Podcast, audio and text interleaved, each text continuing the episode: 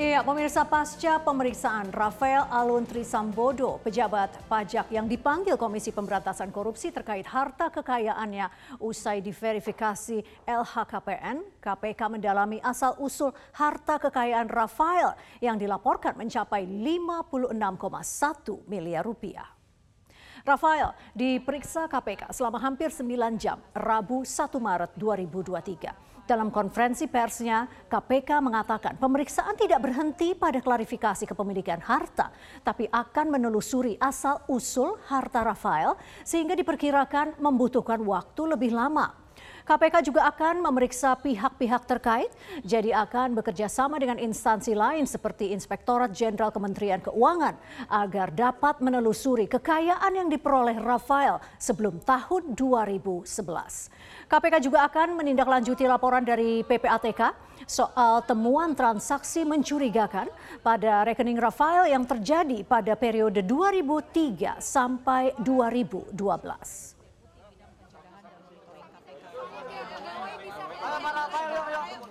Jadi saya telah memenuhi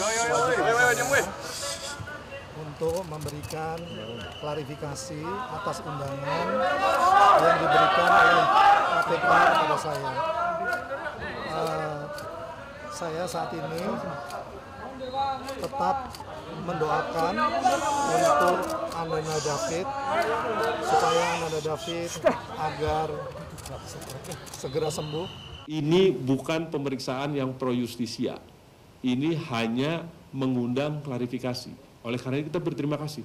Kalau yang bersangkutan kooperatif, beberapa nanya, kalau dia nggak datang gimana Pak? Ya kita undang lagi. Kalau nggak datang kirim lagi undangan sampai bosan. Karena nggak ada daya paksa kita kalau orang diundang, lantas dia nggak mau nggak? ada. Itu oleh karena itu sekali lagi kalau kementeriannya atau inspektorat jenderalnya mendukung kita di penegakan ini kita sangat terima kasih. Oleh karena itu sekali lagi teman-teman media itu yang bisa diupdate hari ini sudah diperiksa eh di klarifikasi jam 9 sampai sekitar jam 4 gitu. Nanti lanjutannya kita akan sampaikan sambil pengumpulan data tetap berjalan kita koordinasi bolak-balik dengan Pak Irjen. Sementara itu yang kita bisa sampaikan. Terima kasih. KPK akan mengawasi penjualan motor gede Harley Davidson pasca Menteri Keuangan Sri Mulyani membubarkan klub moge para pegawai pajak. Bahkan KPK menegaskan jika mendapatkan nama penjual moge akan langsung dibawa ke Irjen Kementerian Keuangan untuk mengetahui pasti apakah yang bersangkutan pegawai atau pejabat di Dirjen Pajak meski KPK sendiri telah mengumpulkan sejumlah nama pegawai pajak yang memiliki motor gede impornya dari mana, kapan itu bisa di, di kita cari gitu. Oleh karena itu sebelum kita cari ke sana kan kita cari dulu yang paling sederhana aja nama BPKB gitu. Kalau dibilang jual massal gitu ya kita pasti lah Mario kita kita pasti amati itu kalau ada namanya ini sekarang kita angkut nama-nama penjualnya ke Dirjen eh, Dirjen Kementerian Keuangan. Ini nama-nama ini pegawai siapa sih gitu. Kita menduga kan ini pegawai Dirjen Pajak tapi sebenarnya namanya udah kita kumpulin dan sore ini kita bawa ke Dirjen Kemenkyu untuk dicarikan. Ada nggak nama pegawai? Bisa jadi bukan pajak bisa jadi istrinya anaknya nggak tahu. Tahu Gojek Iya, pemirsa, belum usai kasus Rafael Alun Trisambodo, pejabat pajak yang memiliki harta fantastis, kini publik memberikan sorotan kepada Kepala Bea Cukai Yogyakarta, Eko Darmanto, yang kerap kali pamer barang mewah dan bergaya hidup hedon. Dalam konferensi pers yang bertajuk Sinergi Kemenkyu dan KPK dalam pengawasan pegawai Kementerian Keuangan yang berlangsung di Gedung Direktorat Jenderal Perimbangan Keuangan Kementerian Keuangan Jakarta Pusat Rabu sore, um, hasil ini berhasil menginstruksikan Dirjen eh, Bea Cukai untuk mengambil tindakan tegas untuk menindak Kepala Bea Cukai Yogyakarta tersebut. Adapun dalam konferensi pers kali ini eh, disampaikan sejumlah hasil konfirmasi tim DJBC kepada Eko Darmanto antara lain eh, foto Eko Darmanto di depan pesawat terbang diambil dalam rangka latihan terbang dan pesawat tersebut adalah milik Federasi Aerosport Indonesia.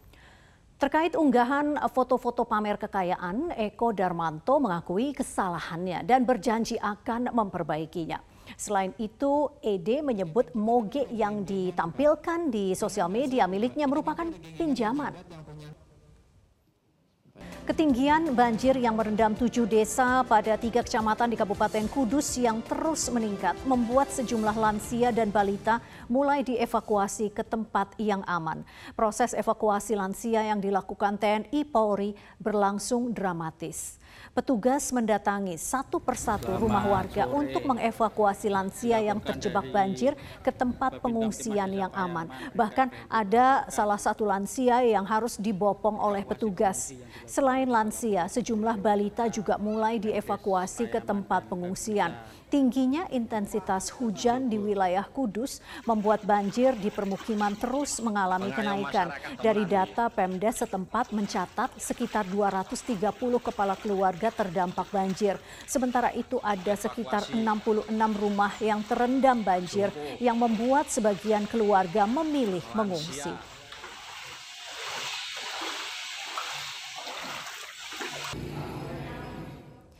Ke informasi lainnya pemirsa, Presiden Joko Widodo menyampaikan sejumlah arahan pada rapat koordinasi nasional penanggulangan bencana tahun 2023 yang digelar di G Expo Kemayoran. Presiden Jokowi juga menyinggung bahwa selama ini peringatan dini terjadinya bencana sering terlambat dan kurangnya edukasi kepada masyarakat.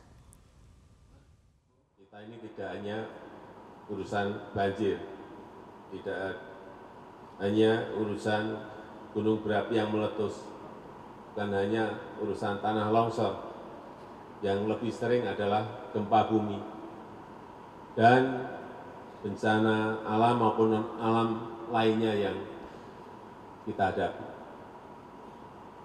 Oleh sebab itu, siaga dan waspada itu menjadi kunci. Baik tahap pra bencana pada tahap tanggap darurat maupun pasca bencana. Semuanya harus disiapkan, semuanya harus dikelola dengan baik. Yang saya lihat, kita ini masih sering sibuk di tahap tanggap darurat pas terjadi bencana. Padahal yang namanya pra bencana, tahap pra bencana itu jauh lebih penting bagaimana menyiapkan masyarakat, bagaimana mengedukasi masyarakat, bagaimana memberikan pelatihan-pelatihan kepada masyarakat untuk langkah-langkah antisipasi itu harus menjadi prioritas untuk apa? Untuk meminimalisasi korban maupun kerugian. Beralih ke apa dan siapa pemirsa Ketua Komite Olimpiade Indonesia atau NOC Indonesia, Raja Sabta Oktohari mengatakan Indonesia terus mendorong semua cabang olahraga untuk mendapatkan peluang menjadi tuan rumah kegiatan internasional. Iya, hal ini disampaikan Raja Sabta pada acara UCI Sharing Platform for ACC dan juga Kongres ACC di Bali. Sebelum menjadi tuan rumah Kongres ACC, Indonesia mendapat kesempatan menjadi tuan rumah UCI Track Nations Cup 2023 yang berlangsung di Jakarta International Velodrome pekan lalu. Menurut Raja Sabta, tahun 2023 menjadi tahun bersejarah bagi pembalap, bagi, maksud kami bagi dunia balap sepeda track Indonesia. Menurut Okto, ini merupakan ajang yang prestis dan dirinya berharap Indonesia bisa kembali menjadi tuan rumah tahun depan. Ya, selain cabang olahraga balap sepeda, Okto juga berjanji akan memperjuangkan cabur-cabur lain untuk menjadi tuan rumah event internasional.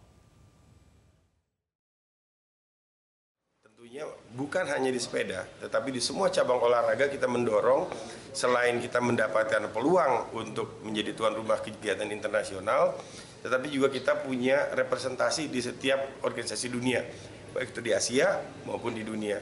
Kalau di, spesi, di sepeda, di Asia sudah ada beberapa orang yang uh, duduk di posisi-posisi penting. Kalau di dunia ada Mas Toto tadi, Toto Segito itu merupakan perwakilan Indonesia yang duduk di UCI sebagai uh, komisi uh, participating.